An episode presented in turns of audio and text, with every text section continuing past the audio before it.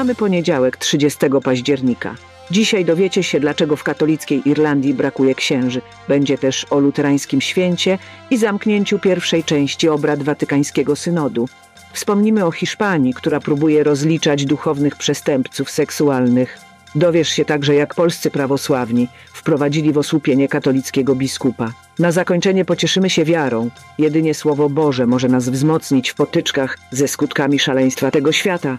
Zapraszamy do wysłuchania serwisu informacyjnego Radia Safira.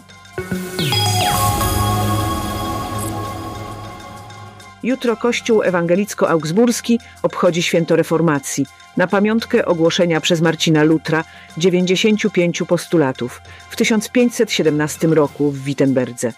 Tezy były skierowane przeciwko nadużyciom w Kościele. Zapalnikiem była praktyka odpustów. Reformacja podkreśliła znaczenie Pisma Świętego jako głównego źródła wiary. Działalność Lutra przyniosła wiele zmian w sferze religijnej, kulturowej, społecznej oraz politycznej. Ewangelickie świętowania obejmują różne wydarzenia, w tym Młodzieżowe Święto Reformacji i wiele innych uroczystych spotkań. Emisje nabożeństw planowane są w polskim radiu i telewizji. Obojętność religijna stanowi główne wyzwanie Kościoła, powiedział ksiądz Andrzej Draguła na archidiecezjalnym forum duszpasterskim w Gnieźnie. Teolog analizował przyczyny odpływu wiernych, podkreślając konieczność zmiany podejścia wewnątrz Kościoła. Zwrócił uwagę na zmniejszenie liczby praktykujących wiernych i zanik katolików obrzędowych, którym tradycyjne formy religijności stają się mniej atrakcyjne. Duchowny wskazał na konieczność przemyślenia strategii duszpasterskiej, stawiając nacisk na ewangelizację i otwarcie Kościoła. Sobór Biskupów Polskiego Autokefalicznego Kościoła Prawosławnego zawiesił udział w zespole bilateralnym rzymsko-katolicko-prawosławnym. Wyraził też niezadowolenie z decyzji władz Ukrainy dotyczącej cerkwi. Prawosławni podkreślili niekanoniczność niezależnego Kościoła Prawosławnego Ukrainy. Komunikat wyraża troskę o sytuację w Ukrainie i Ziemi Świętej. Biskup Adam Bab, współprzewodniczący zespołu bilateralnego ze strony katolickiej, mocno się zdziwił. Stwierdził, że nie był wcześniej świadomy niezadowolenia Kościoła prawosławnego. Współpraca obu kościołów skupiała się dotąd na pomocy uchodźcom i problematyce małżeństw mieszanych. Dokument końcowy z pierwszej sesji Synodu o synodalności podkreśla rolę kobiet i świeckich w Kościele.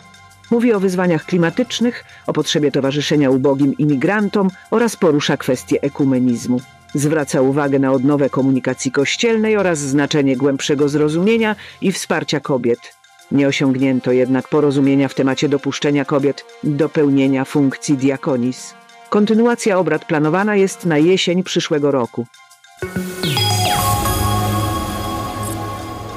Rzecznik Praw Obywatelskich Hiszpanii Angel Gabilondo przedstawił w Kongresie Deputowanych raport na temat wykorzystywania seksualnego w Kościele katolickim. Raport oparty jest na zeznaniach 487 ofiar. W dokumencie podkreślono, że Kościół w Hiszpanii przez lata nie dostrzegał powagi problemu.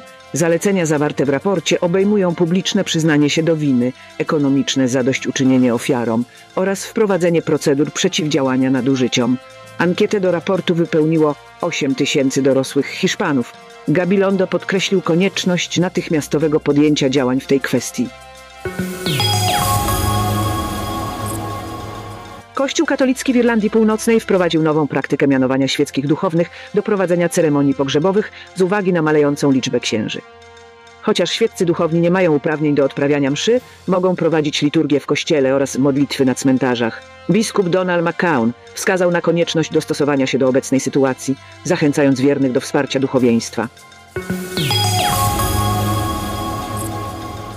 Ewangelikalni chrześcijanie z Galicji i Portugalii spotkali się w Villa Garcia de Arusa w ramach corocznego zgromadzenia galicyjsko-portugalskiego, by dzielić się wspólnotą i muzyką gospel. Spotkanie odbywa się dzięki kulturowym i językowym podobieństwom obu regionów.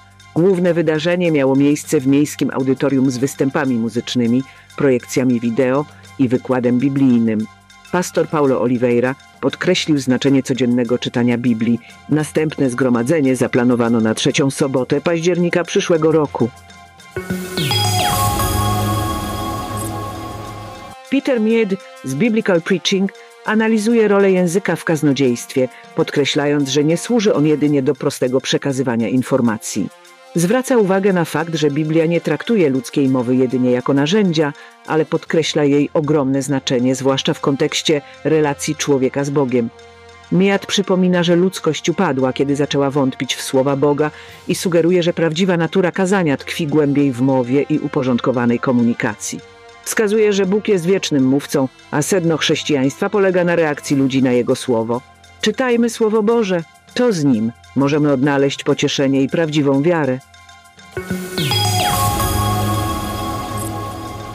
To był nasz serwis informacyjny. Zostańcie na fali Radia Safira.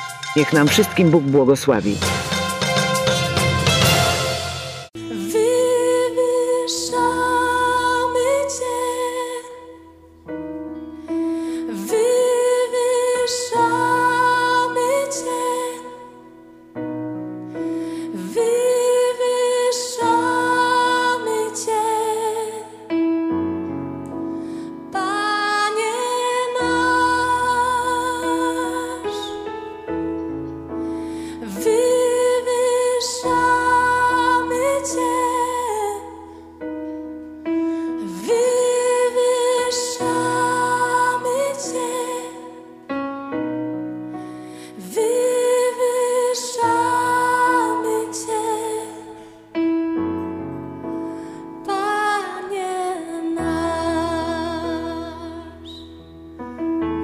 Wszyscy razem naszemu Bogu na chwałę z głębi naszych serc.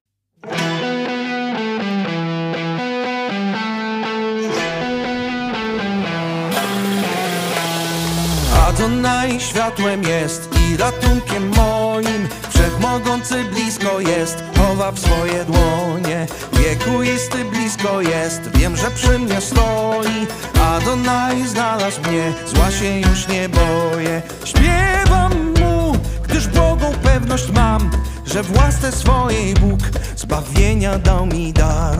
Śpiewam Mu, pewność mam Że w łasce swojej Bóg zbawienia dał mi dar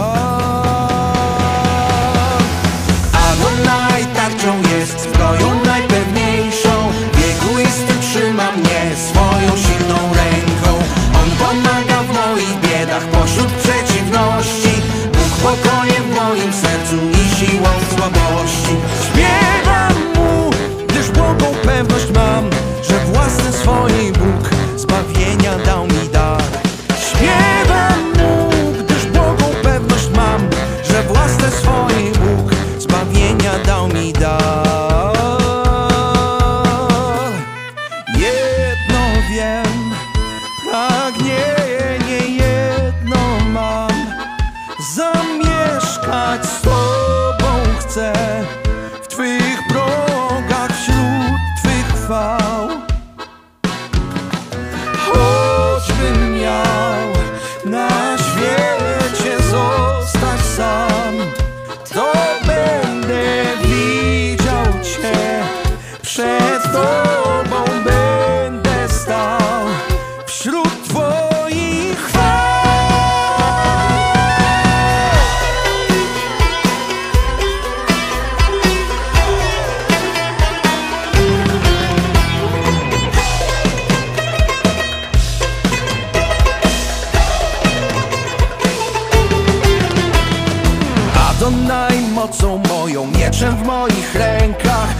Wszechmogący wspiera mnie we wszystkich mych nieszczęściach. Przed wrogami chowa mnie w cień swego namiotu. W jego progach odnajduję świętość, święty spokój. Śpiewam mu, gdyż Bogu pewność mam Że w łasce swojej Bóg zbawienia dał